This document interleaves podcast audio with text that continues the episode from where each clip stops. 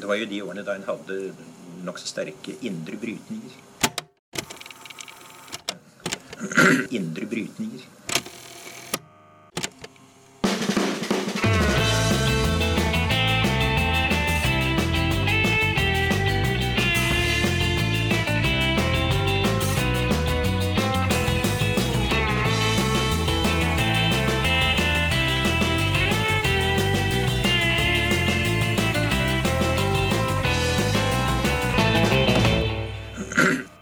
Velkommen til Noen har snakket sammen. Mitt navn er Tiril Rustan Halvorsen. Og jeg heter eh, Aksel Fjellavli. Vi skal gjøre en litt annen eh, vri i dag. Det skal vi. Vi skal være jeg håper å si, direkte. Det er ikke direkte, det er jo et opptak som jo podkast alltid er. Men vi skal eh, ha en debatt fra kartellkonferansen. Og dette er jo da hva skal jeg si, et av de viktigste møtestedene i fagbevegelsen i løpet av et år. Det er i regi av eh, LO Stat, men eh, hele LO-familien er jo til stede og følger med. Det stemmer. Og på konferansen i år så har de hatt eh, besøk av Mariana Mazzucato. Eller vil si, hun var på link, for hun ble dessverre syk rett før konferansen. Men Mazzucato har vi snakket om i podkasten tidligere. Mm. Eh, Og hun snakket da for denne forsamlingen om, om sin økonomiske tenking og sine eh, bøker av det hun forsker på med innovasjon og offentlig politikk. Og vi skal høre en debatt som tar utgangspunkt i det Masukato sa. Du så jo eh, Mazzucato sitt eh, foredrag fra kartellkonferansen. Hva, hva var budskapet hennes der? Ja, altså Marianne Mazzucato hun eh, snakker og skriver mye om eh, hvordan staten har og skal spille en stor rolle i å løse de store samfunnsutfordringene vi står overfor. da. Eh, og hun peker på hvor mye innovasjon stater og det offentlige driver med, men også at mye ikke fungerer i dag. At offentlig sektor må omorganisere seg for i større grad være en slags premissleverandør og samarbeidspartner med det private næringslivet i å løse f.eks. klimakrisen. Og det, det er jo ting som er veldig relevant for de eh, som eh, LO Stat eh, organiserer. Ja, hva, hva mener hun litt sånn mer i detalj, da, når du Mm. sier at man må endre seg? Altså Hun mener at staten og det offentlige i dag fungerer mest som en, en tilrettelegger for privat næringsliv. Uh, og at når staten investerer, da, som den jo gjør uh, mye, store offentlige budsjetter, uh, så får det lite eller ingenting tilbake av de gevinstene det har skapt. Og hun har mange eksempler på det. da. Eh, men for at vi skal løse de store utfordringene som samfunnet står overfor, og da peker hun på eh, de 17 bærekraftsmålene til FN som eh, eksempler, f.eks. utslett all fattigdom eller nå 1,5-gradersmålet, så, så trengs det et mye større samarbeid mellom det offentlige og det private. Og det offentlige må ta, ta en mye større rolle da, i å peke ut retning for at disse utfordringene skal løses. Eh, og at de verdiene som skapes da, i fellesskap, skal tilfalle alle i mye større grad enn det de gjør i dag. Mm. Missions, eller eh, samfunnsmål, eller hva vi skal kalle det på norsk, er jo ord som, som ofte forbindes med, med Masukato. Snakker hun noe om det? Ja, absolutt. Eh, og missions, eller mål, samfunnsoppdrag, avhengig av hva vi skal kalle det, er jo det som på en måte kommer etter at man har definert disse samfunnsutfordringene. Så må man sette noen, noen oppdrag eh, som man må løse for, å, for, å, for at man skal kunne imøtegå disse utfordringene. F.eks. for eksempel er pandemien kan man se på som en stor utfordring for verden, eh, hvor vaksine er en del av løsningen. Eh, men da sier Mazzucato at eh, å lage en vaksine ikke er en mission, men å vaksinere befolkningen er et mission. Og fordi vi ikke har tenkt i disse tankebaner, da, som hun mener vi burde gjøre, så, så er vi i en situasjon i dag hvor eh, det er private selskaper som høster gevinstene av å ha utviklet eh, vaksinen, til tross for store eh, investeringer fra offentlige budsjetter. Eh, og en lang rekke mennesker som ikke er vaksinert. Eh, fordi de ikke deler oppskriftene sine og, og dermed kan bidra til det som burde være et mission, at alle skal vaksineres. Så den situasjonen vi er i dag, er ikke holdbar, og det er fordi man ikke har tenkt som et mission, da, ifølge eh, Masakato. Så staten skal styre liksom i mye større grad, men på, på hvilken måte skal det skje, da?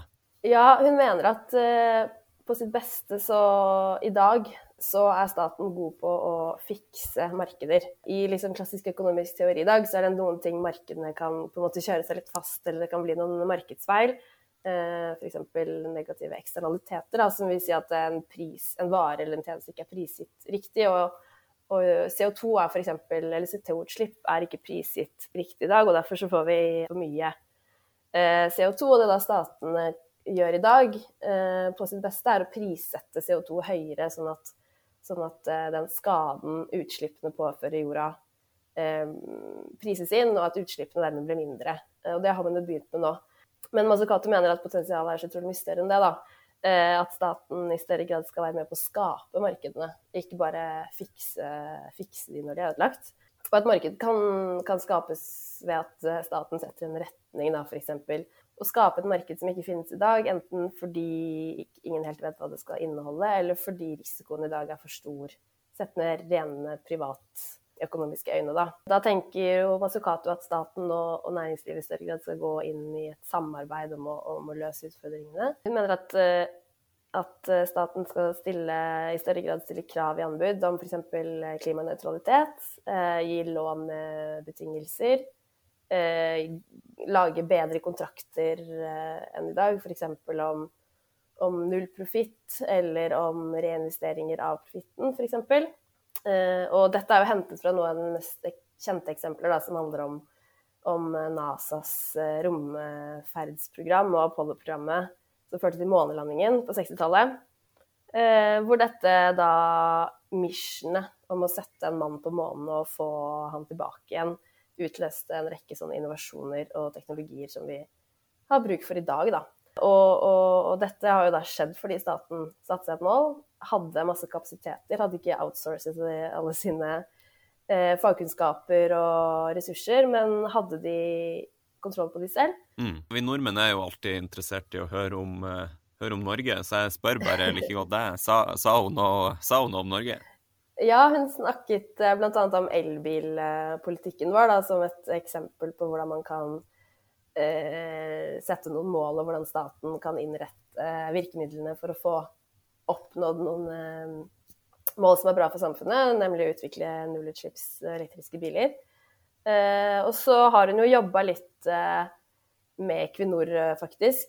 Eh, og Equinor-sjefen er jo til stede. Så var, hun var også i en litt sånn eh, artig passiar med han om eh, hvor hun skrøt av de ambisiøse målene Equinor har som nullutslippsselskap på sikt, men at tempoet er for lavt, og at de i for stor grad fortsatt baserer seg på privatøkonomisk gevinst og for lite ser på liksom helheten, da. Eh, men han er jo i panelet, Equinor-sjefen, og får snakka litt ut der. Så det blir veldig spennende å høre hva han sier der. Mm. Så dette er rett og slett eh, Det var rett og slett en, en Mazzucato 101 eh, der. Og, og, det er jo litt av bakgrunnen for den, den paneldiskusjonen som vi skal høre etterpå med klimaminister Espen Barth Eide, med Kjersti Barsok, som er leder for norsk eh, tjenestemannslag som organiserer veldig mange av de som jobber i staten i Norge. Eh, Hilde Nagel, som er rådgiver i Tankesmien Agenda, og eh, Anders Oppedal, som er eh, sjef for eh, Equinor.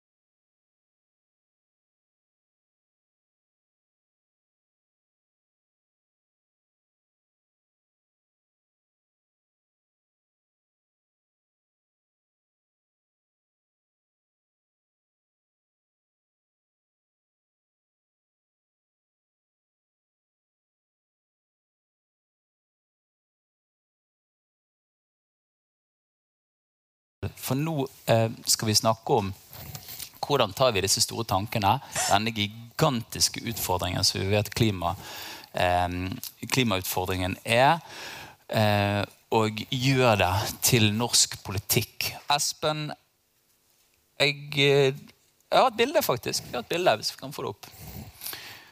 This is not var det tatt uh, halvannen uke siden. Kan du bare si kjapt hva, hva, hva som skjer på det bildet? Akkurat der sitter Grace Fu fra Singapore og jeg og i et plenumsmøte hvor vi, eh, vi, Det er en del av den prosessen med å forhandle fram eh, regelboka etter Parisavtalen. For i Paris ble man enige om at man skulle lage et internasjonalt system for kvote, klimakvotehandel. Og så skulle man utsette arbeidet med det rent praktiske. altså Hvordan du lager de reglene rent juridisk til Katowice-toppmøtet i eh, 2018. Det skar seg fullstendig. Så ble det utsatt til Madrid, og så lyktes man ikke. Og så ble Grace og jeg spurt om å lede det arbeidet nå i Glasgow, og nå mm. lyktes det. Så nå har verden et regelsett for, eh, etter Parisavtalen, og da er Parisavtalen på en måte komplett. Og Det var uh, i all ubeskjedenhet det mest konkrete som kom ut av det møtet. Det var veldig mye bra som kom ut av Glasgow, men dette er veldig håndfast. Ja. Vi har et annet bilde òg, hvis jeg kan få det opp. Hvis liksom ikke helt ukjent politiker så Du har eh, Maria rådgiveren din i midten. Det synes jeg er bra. Og så har du en liksom ikke helt ukjent amerikaner eh, til høyre der. Eh, sier det noe om liksom disse møtenes natur? Det er et typisk bilde på hva som skjer midt i når det er litt sånn turbulens i møtet. selvfølgelig. John Kerry, som eh, var utenriksminister samtidig som meg, og Frans Timmermans, som var nederlandsk utenriksminister samtidig som jeg var det, er nå noen av de helt sentrale aktørene i det internasjonale klimaarbeidet.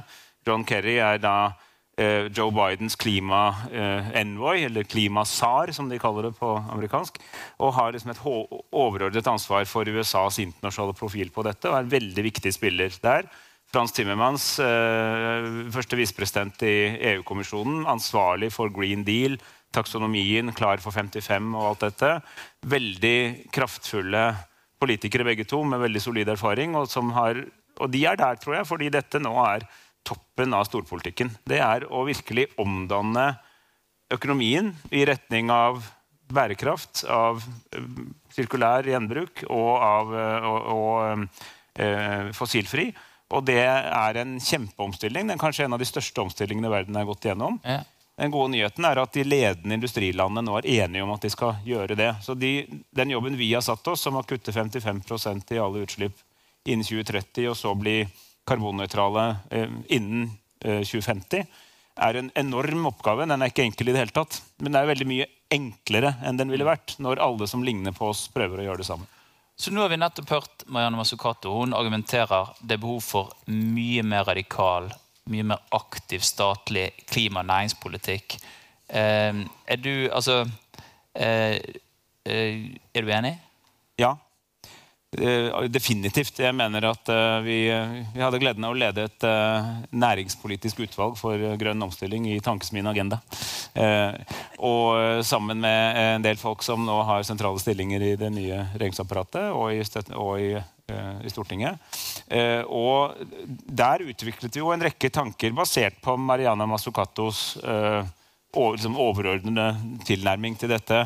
Og det som er veldig gøy, er at mye av det vi nå, som nå står i Hurdalsplattformen, og som har røtter i det arbeidet, og røtter i partiprogrammene til Arbeiderpartiet, og SV og Senterpartiet, det er veldig i tråd med det som nå skjer i EU.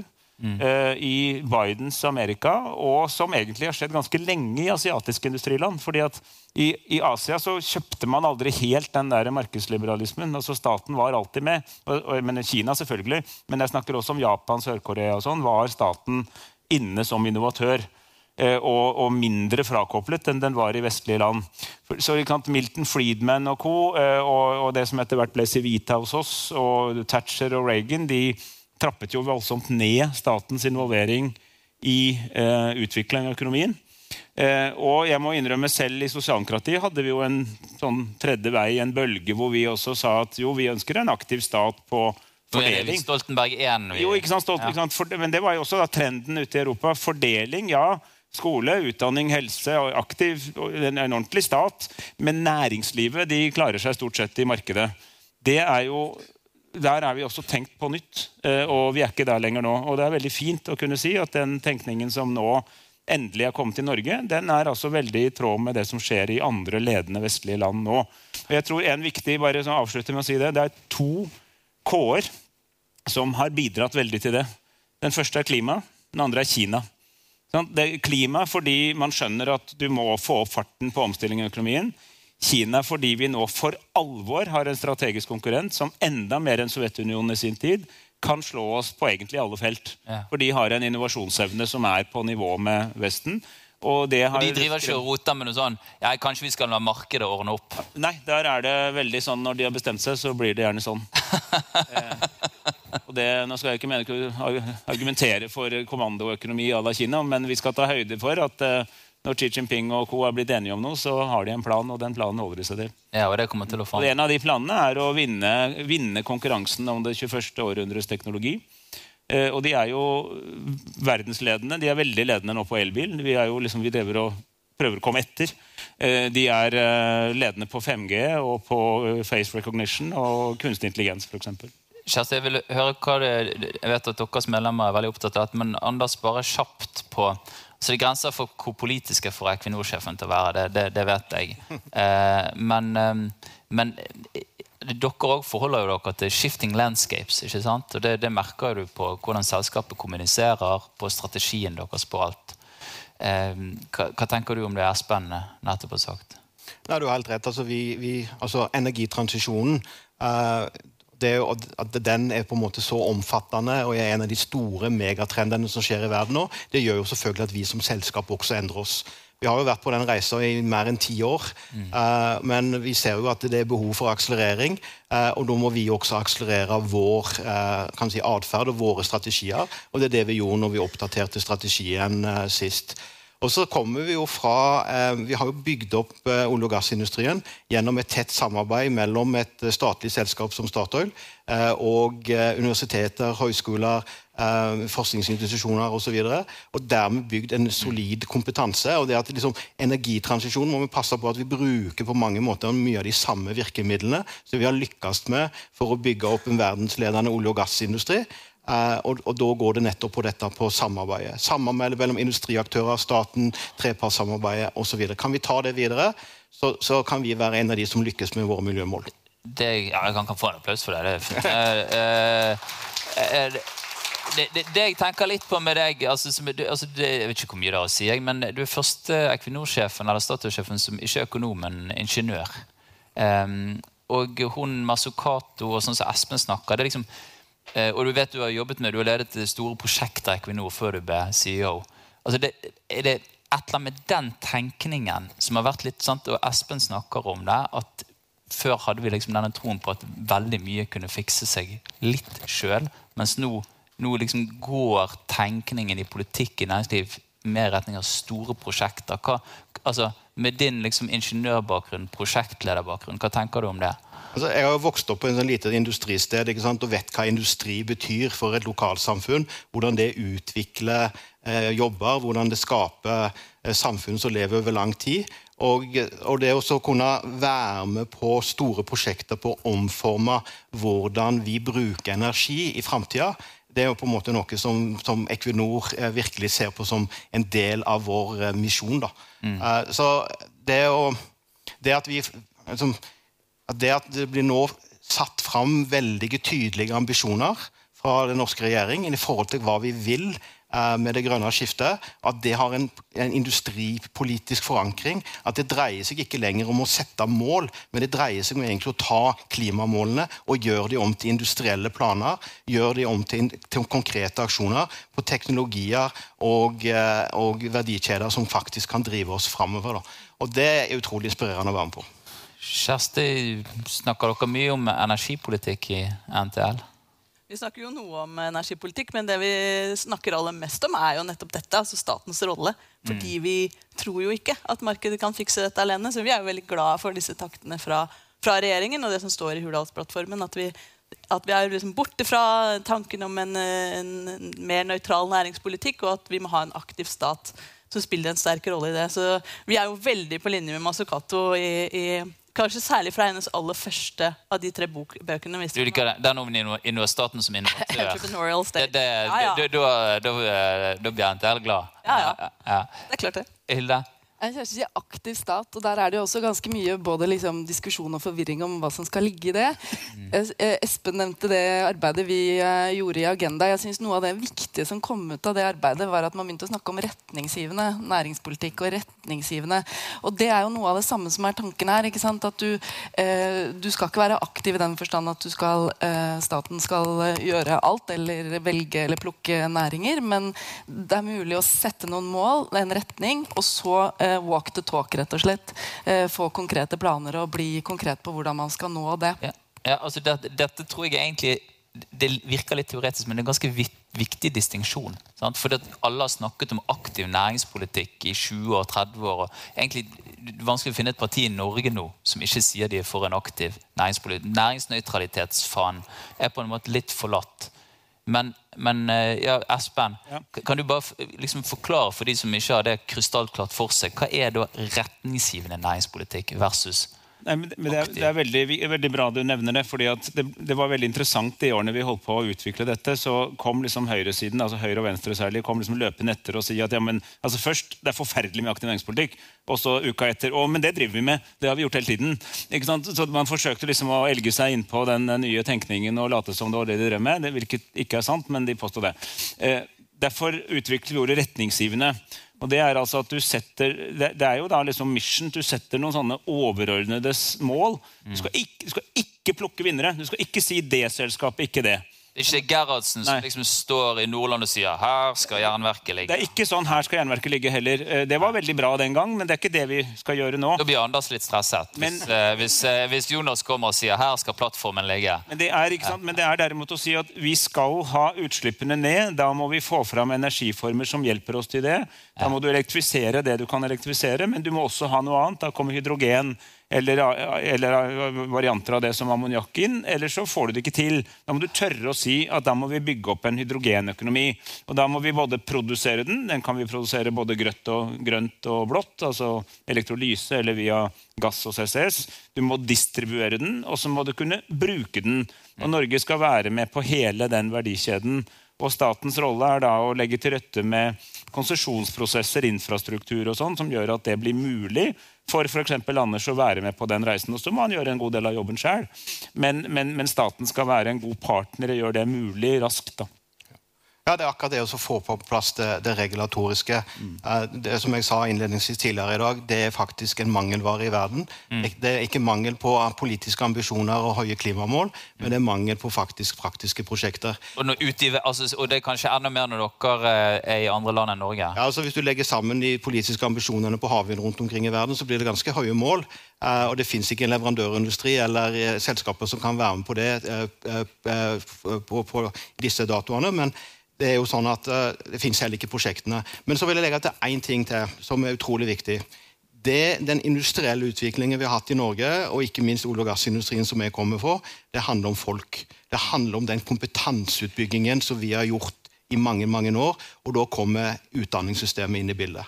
Det at vi fortsetter å bygge på det videre som vi har nå, eh, offentlig eh, grunnskole, eh, lærlinger, at industrien tar ut lærlinger, at vi bygger ut gode ingeniørskoler. For den kompetansen som vi bygger nå, og har gjort i mange mange år, den er direkte brukbar inn i de nye næringene. Vi trenger ikke omskolere masse ingeniører eller fagarbeidere. De kan gå rett inn i de nye næringene når de næringene finnes. Vi er høyt skolerte, og det må vi fortsette med. Det blir et konkurransefortrinn.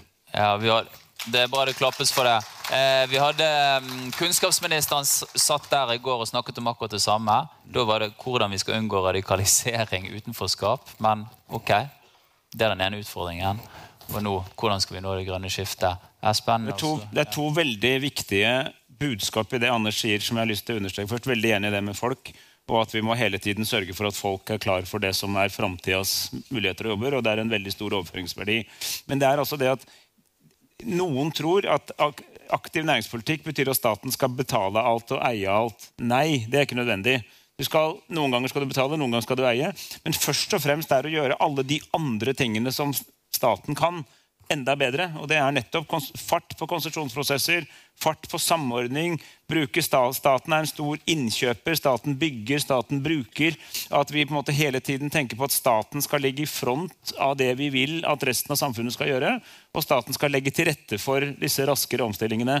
Og det er jo egentlig de tingene det offen offentlige sektor kan best. Men vi må bruke det mye mer strategisk og mye mindre patchy, da, som Marihuana Mariana nettopp sa. Kjæreste, jeg tror vi snakket et eller annet sted mellom pinnekjøttet og baren. Så begynte vi å snakke om dette. Eh, og, og hvordan mange av dine medlemmer og, altså, og vi begynte å snakke om tillit altså, hvis, hvis du setter disse store, hårete målene, da, så er jo det folk, og det er seniorrådgivere, og det er mellomledere og det er ledere. Det er veldig mye NTL-ere, egentlig, Ja. som skal være med på å drive dette. Det, hva tenker du om det? Altså, jeg, det er jo musikk i mine ører, det ministeren sier nå. selvfølgelig. Det vi ser, er jo sant, Hvis jeg skal ta noen sånne krav, da, for det er helt åpenbart at staten må bli mye flinkere til å bruke påvirkningsmakta si. Og det handler jo selvfølgelig om klimakrav. Og det handler om lønns- og arbeidsvilkår. Og Man må kunne gjøre begge de deler. For da kan man jo påvirke et helt arbeidsliv for folk og et helt næringsliv. Så det er jeg helt helt enig i. Og vi ser jo veldig fram til at eh, plattformen skal realiseres da, på, det, på, det, på den måten der. Og så er det klart at hvis vi skal lykkes med det, så, sant? Dere snakker om konsesjoner og man snakker om regelverksutvikling. Og, ja, hvem er det som gjør det? Jo, det er jo offentlig ansatte. Og Jeg snakka om det i går, og noen har hørt oss i NTL snakke fryktelig mye om ABE-reformen. Men det er klart at hvis du utarmer offentlig sektor og ikke sørger for at saksbehandlingsetaten har ressurser nok sant? Hvis vi ikke har nok folk til å drive den regelverksutviklinga, behandle de søknadene og for å koble det røde og det grønne Jeg må få lov til å gjøre det, Trygve. Ja. Ikke sant? Hvis vi ikke sørger for at vi har en arbeidslivslovgivning som gjør omstillinga trygg og forutsigbar for nettopp de fagfolka, men også for bedriftene, så kommer vi ikke til å lykkes. Så Det er jo noe av det vi er opptatt av i NTL. ikke sant? Vi skal ikke være redd for at Nav ikke har ressurser heller. Skal vi se, Nå har jeg lyst til å hente opp et, eh, et nytt bilde. Um, et litt annet. Eh, Dere skal sette denne serien 'Alle elsker Raymond'. Eh, en gang i tiden, eh, og det er sikkert mange her som elsker Raymond. Jeg elsker i hvert fall Raymond, selv om han er Vålerenga-supporter. Um, men grunnen til at dette bildet er litt kult, er at han sitter i en gravemaskin. Uh, den er elektrisk. Den er elektrisk gravemaskin. Eh, og han var i Glasgow, og han snakket han eh, holdt ikke på med, med, med eh, en politiker fra Singapore, sånn som du Espen, men han dro for å snakke om byggeplassene i Oslo. Eh, og jeg har egentlig lyst til å spille litt ballen over til deg, eh, eh, Kjersti, på akkurat det. Altså, hva eh, Hva vil du Altså, eh, du, du har sagt dette er et fellesskapsprosjekt. Eh, dersom folk ikke opplever det sånn, så kommer prosjektet til å miste tillit. Miljøkampen mister oppslutning. Eh, og du må koble det røde og det grønne, sånn som du minnet meg på. Eh, litt sånn brei. Men også skal alle her gjerne reflektere det. Men altså bare litt bredt. Hva er offentlig sektors rolle? Og hva, altså på vegne av, av, av dine medlemmer, hva forventer du? Jeg forventer jo for det første at statens rolle blir langt tydeligere og langt større. Og jeg er helt enig i, i det som sies her rundt det. Altså det er klart at Vi har jo som fagforeninger forventninger inn i dette. Masukato var jo inne på det i stad. Eh, at fagbevegelsen må være med bordet, ved bordet fra start. Det er jo helt avgjørende. Det er avgjørende helt lokalt i utvikling av bedriftene. Og hele veien opp til LO-lederen og det formelle partssamarbeidet. Så hele veien så skal fagbevegelsen være med. Og så er det klart at det som Mariana også er inne på, det å bruke overskuddet til å skape et bedre arbeidsliv, noe av det vi må sørge for, er jo at det arbeidslivet som utvikles når vi eh, går mot et, et grønnere samfunn, da, eh, kall det fornybarsamfunnet eller lignende, ja, da må vi jo sørge for at vi utvikler arbeidslivet på samme måte, og at vi også eh, gjør det bedre for folk. Og det handler jo det jeg hører hva du sier om kompetanseutvikling, men vi må jo også sørge for at, for at alle på en måte får ta del i det, sånn at ikke denne reisa blir ekskluderende. Og det får vi helt fint til. Vi har ypperlige utdanningsinstitusjoner, og vi har full mulighet til å sørge for at folk har kompetansen til å følge med. Men da må det være en vilje til å, til å gjøre det, tenker jeg. Og så er det jo ressursene, da, som jeg snakka om. Og så kan vi selvfølgelig snakke om tillitsreform, for det der å faktisk sørge for at de offentlig ansatte, som er liksom mest vårt anliggende, da, eh, har tid og rom til å bruke fagligheten sin eh, i å utvikle offentlig sektor og løse oppgavene, det vil jo være helt helt avgjørende. Så for å løse retningsgivende næringspolitikk, som er en av yndlingsordene til Espen, så trenger du egentlig tillitsreform, som er en yndlingsordene dine. det også. Altså, tillit, tillitsreform er på en måte mikrokosmos av mission economy. Så dette er det du skal oppnå. Så finne ut hvordan du løser den oppgaven best mulig istedenfor sånn skjemavelde og detaljstyring. Så er det liksom målet eh, som kommer først. Men, men det er en veldig viktig ting som er veldig knyttet til det Kjersti sier. Jeg er for øvrig også en teler. bare så den med. Det er jeg òg. Ja, Eh, eh, Men det er, som Mariana sa, som er kjempeviktig i hennes tenkning, som gikk litt fort i dag, men det er altså pre-distribution. Altså ikke redistribution, men pre-distribution. Og det er litt viktig å vite hva det betyr. Det, det er jo det dere gjør i lønnsforhandlinger, f.eks. Det er at du skal ha likhet før omfordeling. For det er grenser for hva du kan kompensere for av ulikhet etter inntekt. Og, og et helt, ikke sant? Det er, eh, samfunnets kapasitet i omfordeling er, er mye større i nordiske land enn i, selv i Storbritannia. Men den er ikke ubegrenset. Så det er, skal du ha et samfunn som får dette til, og som beholder likhet og, og små forskjeller og høy tillit, må tenke på dette med pre-distribution. Og det betyr altså allerede ved lønnsdannelse og andre ting som man driver med i, i tarifforhandlinger og sånne ting. Kjempeviktig å opprettholde det, og ikke bare vente til etter skatt, og så fordeler du etterpå. Anders Kort, altså, det, det, er jo klart, altså, Du snakket jo om trepartssamarbeid i innlegget ditt Og så og Når dere har denne reisen som selskap, den nye strategien, hvordan jobber, altså Det er jo mye industri- og energifolk, Fellesforbundet selvfølgelig, men altså, hvordan jobber dere med å involvere fagbevegelsen i det, og, til de tillitsvalgte hos dere i det?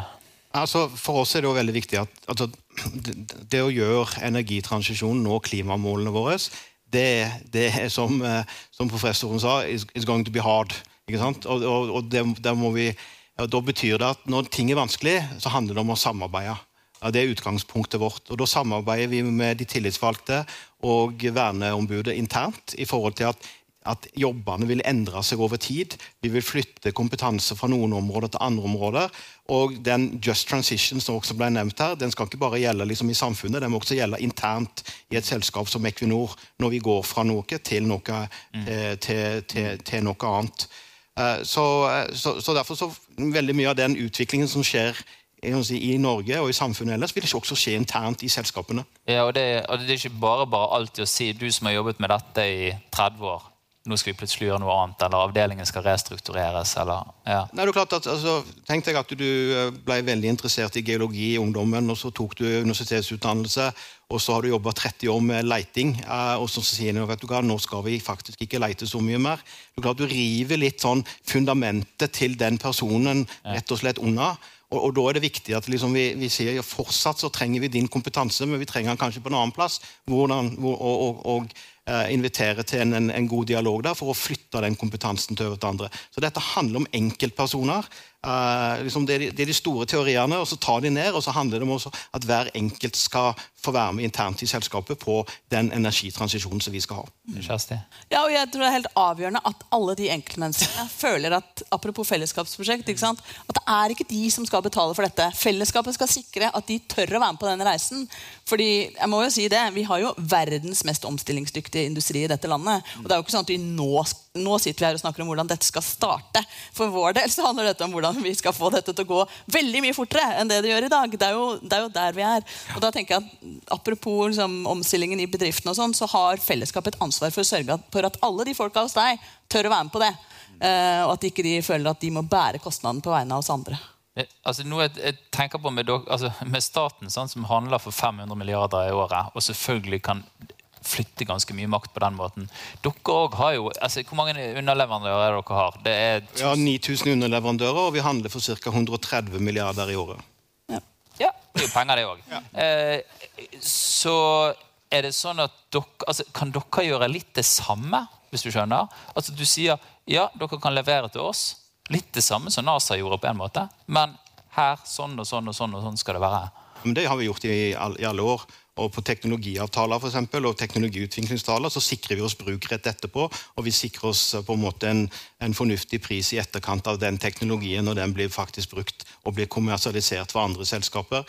Vi setter i gang strenge krav i forhold til uh, hva som skal til uh, i forhold til at uh, menneskerettigheter, i, forhold til fri, fri, innmelding i fagforeninger, i, i, forhold til hvordan en skal kan si, opptre på, på mange, mange arenaer. slik at vi, Og også i forhold til klima. Så liksom, Vi bruker kontraktene aktivt for å, få, å være med for å få en atferd som, som, som, som, som vi ønsker. Um, Hilde, du er jo um, altså du er jo kanskje altså hvis Jeg tror jeg tipper Espen har lest ganske mye Masukato. Og det er mange her etter hvert som har begynt å lese, men du har i hvert fall lest mye Masukato, vet vi. Um, og um, er det nesten litt litt så gå tilbake til Raymond-eksempelet. Med Raymond i, i, i den her elektriske, uh, elektriske gravemaskinen. Hvordan syns du vi kan bruke det som utgangspunkt når Espen i regjering når de andre som har vært der, skal jobbe videre med retningsgivende næringspolitikk? det eksempelet er jo, det er jo Mission Economy i praksis, det. Rett og slett. Fordi der har man startet med å sette dette målet om, om egentlig på bynivå si at eh, Oslo skal faktisk være den første helt utslippsfrie byen i verden. Nå er det veldig mange byer som har tilsvarende mål om dagen. Det er også interessant, for det kobler seg på det arbeidet som nå eh, skjer i EU. Og en av missionene som Mariana Mazzucato har vært med på å inspirere til, nemlig at det skal være jeg tror de har 30 utslippsfrie byer i løpet av 2050, eller jeg husker ikke helt målet, men et sånn type mission. Da kan jo Raymond og Oslo jobber sammen med andre europeiske byer om hvordan man får det til. Og du setter et mål og får samtidig omstilling. Samtidig får du i gang eh, mer eh, bruk av elektriske gravemaskiner som her annen type nullutslippsteknologi, som igjen kan eksporteres, som igjen kan bli lønnsom, eh, og faktisk være med på å dekke noe av det som regjeringen også sier nå at de skal gjøre, nemlig at de skal øke eh, ha et eksportmål på, på, på fastlandsøkonomien sånn at Her får du veldig mye i ett. da, eh, og, og, legg merke til, det er ingen som peker og sier det er den næringen og det er det og det er sånn, men man setter eh, et mål, og så gjør man det. Og så har jeg lyst til å nevne da, dette kan man gjøre på veldig mange plan. ikke sant? Så man kan gjøre det ja, Hun mente som... du kunne gjøre det på knivstikking i London? ja, jo, men ja. liksom noe vi kanskje ikke har snakket så mye om ennå, men som, som eh, Anders Oppdal tok opp i sitt, altså dette med havvind, eller for så vidt bare ta det enda litt høyere opp, si havet. La havet være nå en sånn type samfunnsmål. Og så begynner du å se, Jeg titter litt på Hurdal-plattformen. Og Hurdal-plattformen kan leses på veldig mange måter. Men det finnes ganske mange eksplisitte eksempler på missions innenfor havet i mm. Hurdal-plattformen. Mm. Så, um, så, så, det er eh, og, og, det dreier seg om også det som, um, som Espen var litt inne på, med å se liksom hele nye leverandørkjeder. Fordi Hvis man setter et sånt mål som rent eh, hav, så vil man også tenke ok, bærekraftig fôr. Ok, men Kan vi ha norskprodusert bærekraftig fôr? Eh, ja, det kan vi. Kan vi sette en mål om at vi skal det? Ja, det kan vi. Kan vi gå og forhandle med eh, industrien om hvordan vi skal få det til? Ja, det kan vi. Vi har skapt eh, en ny næring, og det er bærekraftig. Eh, Espen, ja, du, du, kan kommentere også, og kanskje bare en liten refleksjon. for at altså, eh, I ditt departement dere styrer, det har ofte vært en litt sånn defensiv kamp. på en måte, i miljø og klima. Vi må verne denne myren, eller vi må verne den nasjonalparken, eller vi må passe på de hubroene. eller osv. Mens uh, du, du, virker mer industrielt orientert på en måte ut ifra ja, ja. Eh, vi skal fortsatt passe på hubroen og sånn. Det er jo ikke slutt på det, fordi naturen må være der for å gi oss naturtjenester. Men Naturtjenester, ja. ja, naturtjenester, Det er jo det som gjør frisk luft og altså, binder karbon, gir oss frisk luft, mat, rent vann og sånn. Når det er slutt på det, da dør vi. sånn at Uten naturen er vi borte. Så, så det må vi fortsette med. Men det er et voldsomt potensial for å bruke både klimaomstilling og en mer naturvennlig politikk til å skape verdier og jobber. Det er, det, er, det, er, fordi at, og det kommer tilbake til at det er så mange av de som ligner på oss, som gjør det samme. Det er en sånn typisk sånn eh, Facebook-kommentarfelt. og 'Hvorfor skal Norge redde verden alene?' Liksom. Eh, det hadde vi aldri klart, men slapp av, det er ikke problemet. Fordi verden har tenkt å redde seg i fellesskap. Og særlig andre land som ligner på oss. Mm. Eh, og Det betyr at økonomien beveger seg nå i stormskritt mot å etterspørre altså Spør om karbonfotavtrykk, spør om hvordan du til naturen. og sånn, Da må vi forholde oss til det på en god måte. Og, og nettopp, Jeg har veldig lyst til å fange opp det du sier på havet. altså Vi har mye hav. Men vi har ikke uendelig mye hav. Derfor må vi også klare å prioritere hvordan vi bruker havet. Der du lager havvindparker Du kan ikke samme sted drille etter olje og gass. Du kan ikke tråle i akkurat det området, men du kan lage oppdrettsanlegg i det området. det er en god del synergier mellom næringer. Men de næringene kommer ikke til automatisk å finne fram til hverandre av seg selv. Her kommer da en statlig tilrettelegger igjen som sier at dette arealet setter vi av til XYZ. Og da har vi snakket med de andre, som de får finne et annet areal. Så får du næringsparker på en måte av det. Og, og dette med fôr kommer midt inn i det. fordi jeg har lest Nasjonen i dag. Det er et fint intervju med Sandra Borch og meg om dette i fellesskap. altså landbruksministeren. Vi kan få betydelig økt selvbergingsgrad og betydelig reduserte klimautslipp om mer av maten til kua blir laget i havet. Alger, tang og tare. Blir kortreist nasjonalt. Du slipper å importere soya fra Brasil. Eh, som er klimaversting. Eh, og du lager en ny næring som vi på en måte har forsømt. fordi i, i, i mat fra havet har vi bare tatt toppen av næringskjeden, altså fisken. På land bruker vi jo alt. Mm. Men nå må vi altså bli mye flinkere til å bruke det. Og det er klimapositivt. Det binder karbon. Det er bare masse positive ting med det. Eh, men det må da inn i en sånn mission economy. Står i agendarapporten for øvrig, og i Hurdalsplattformen. Bare nevner det. Sjekk gjerne ut. Begge to. Begge deler. Ja, det er fint. Eh, rapporter burde klappes for. Eh, vi skal snart gå inn for landing, men, men eh, Masukato det ser vi mange, av, hun siterte jo Greta Thunberg. da, på en måte. Eh, og eh, jeg syns det er litt mye å forlangt å overlate liksom, å redde verden til en ung jente. Jeg syns kanskje også voksne skal være med på det. på en måte. Eh, men, men, det som er poenget, er jo ok, vi har sinnssykt dårlig tid. Vi har sinnssykt dårlig tid. Så jeg har bare lyst til å ha en siste runde på, eh, på panelet på det. For det er ikke lenge til 2030. ikke mm. sant? Det, det er liksom eh, eh, Rekker vi dette? Altså, Går det kjapt nok selv med offensiviteten i planene? Eh, Hilde først, kanskje. Hva tenker du?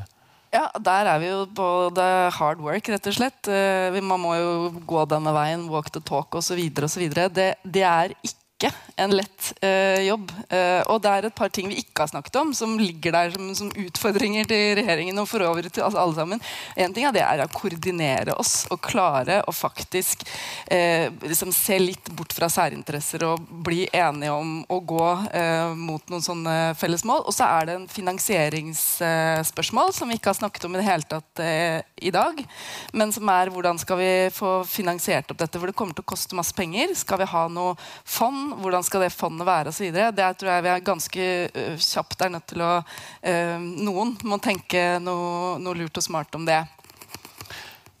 Anders, uh, hvordan for, altså, Selvfølgelig Dere har jobba med lange prosjekter, langsiktig horisont, og så likevel er dere da en del av noe som må gå skikkelig skikkelig raskt.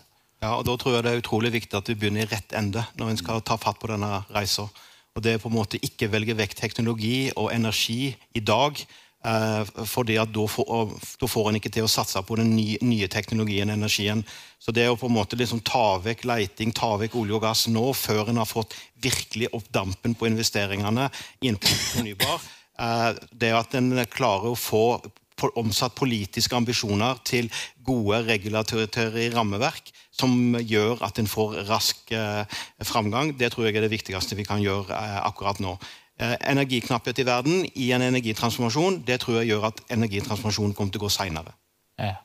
Kjersti, eh, NTL som aktør eller LO som aktør, samtidig som staten som nå en pådriver. Vi vet vi har en annen regjering. Mm. Hurtigheten i dette? Går det raskt nok? Nei. Kan vi klare det? Ja. Selvfølgelig. Det må vi tro. Fordi det må vi ville. Så jeg er veldig optimistisk med tanke på Hurdalserklæringen. Det vi har etterlyst lenge, er jo ekte politisk vilje til å legge til rette for at vi skal lykkes med dette. Og det oppfatter jeg at det er. Så skal ikke jeg legge skjul på at vi fra NTL sin side har hatt litt større ambisjoner for, for eh, veien vekk fra den fossile avhengigheten som vi står oppi nå. Fordi det gjør oss utrolig sårbare. Så der vi, eh, hadde vi større forventninger enn det Hurdalsplattformen kan levere på. Um, Og så, bare som et siste poeng, så tenker jeg det er veldig viktig det som sies, at store selskaper som Equinor og andre kan gjøre det samme som vi forventer av staten. Vi forventer at de bedriftene som staten fasiliterer for, som benytter seg av det statlige virkemiddelapparatet, også stiller krav. De må levere noe tilbake til fellesskapet. Det handler om klimafotavtrykk, men det handler også om anstendige lønns- og arbeidsvilkår. Fordi sånn påvirker vi også gjennom selskaper, f.eks. hvor staten er en stor eier. Espen, siste ord hurtigheten i dette. Du kommer fra Glasgow, det er et voldsomt trøkk, og så samtidig så vet vi at det er, det er egentlig det største menneskeheten har vært gjennom så, så langt som, som, fellesskapsprosjekt. Men jeg syns Kjersti sa det riktig. Altså, uh, går det fort nok? Nei. Kan vi klare det? Ja. Det, er en god oppsummering. Altså, retningen er nå bra. Det, det, verdensøkonomien går i retning av mer fornybar, mer sirkulær, mer bærekraft. Det er en god nyhet. Men den tidsaksen er ganske lang. Og så er den tidsaksen naturen tillater oss, er ganske kort. Så vi har en lang og en kort. og den, kan, den lange må rett og slett komme mer i synk med den korte, nemlig det vi har rom for i utslippsbudsjettet, det vi fortsatt kan slippe ut. Og det krever politikk. Fordi Der er ingeniørene, der er investorene, der er Anders Opedal faktisk, der er liksom veldig mange aktørene er klare for det. Men, men, men, men, men den økonomien de alle skal svømme i, da, den må jo da skapes. Og da må vi høre mer på Masukati. Det er en kjempejobb. og der, der, er staten og alle de praktiske hverdagstingene både stat og kommune og fylkeskommune gjør hver dag, utrolig viktig. Det er å bygge kompetanse på å ta de riktige valgene, på å få fart på gode prosesser. skal være grundig og involverende, selvfølgelig, men uten, uten sommel. Slik at vi liksom legger til rette for at denne økonomien faktisk kommer på plass. Da. Og så er det bare lyst til å si helt til slutt, det er veldig bra at Equinor-ledelsen snakker om denne energitransisjonen. Den mener jeg vi kan bli enige om i LO, i miljøbevegelsen, i, i, næringslivet, i staten, det er at vi skal gjennom en transisjon. Og sluttproduktet av den transisjonen er en fossilfri, altså en utslippsfri eh, energisystem. Så kan vi også være enige om at du, det får du ikke til til uka. Så kan vi diskutere hvor fort det tar, men du, du, må omstille deg fra noe til noe.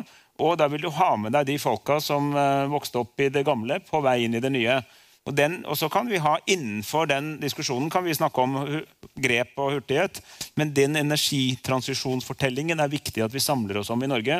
Og vi som en stor energinasjon, både på gammel og ny energi, eh, eller både på fossil og fornybar, må på en måte ha en rammefortelling om det som vi klarer å bli enige om. Og det har jeg tro på at vi skal klare.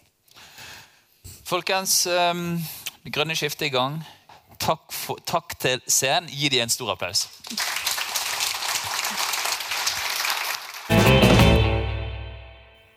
Da håper jeg dere fikk noe ut av den eh, samtalen. Ellers så har jo vi tidligere en episode om Massocato med Maria Berge Enertsen og en episode med Espen Barth Eide og Sigrid Hagre Melhus, som uh, jobber i Agenda, om aktiv næringspolitikk, for dere som er interessert i mer. Ellers så har vel vi et par anbefalinger uh, til Aksel. Ja da. Vi i Agenda arrangerer jo debatter om stort og smått. Et stort tema som eh, vi er innom gjennom mellomrom, er ytringsfrihet. Eh, og her har vi en, en serie med arrangementer under eh, merkelappen Ytringsfrihetsforum, der, som vi arrangerer sammen med Human-Etisk Forbund og Civita. Og de går an å se på bl.a. på Human-Etisk Forbund sin YouTube-kanal, så det går an å sjekke ut. Hva med det? Eh, ja, eh, vi har vel snakket om eh, en økonom og blogger som heter Noah Smith tidligere. Og han har en nyhetsbrev som heter Noah Pinion. Der har han den siste uken repostet vel egentlig et innlegg han har hatt om MMT, altså Modern Monetary Theory, som vi også snakket om tidligere i podkasten. Og det innlegget, der er han ganske kritisk til den teorien og forkjemperne for den, så det er jo alltid godt å ha med seg litt motstemmer også. Så det mm. kan dere finne på Noah Pinion sine Substack-sider uh, uten betalingsmur. Da gjenstår det vel uh, bare å si uh, takk for nå, og så høres vi neste uke. Yes, det gjør vi. Ha det bra. Ha det.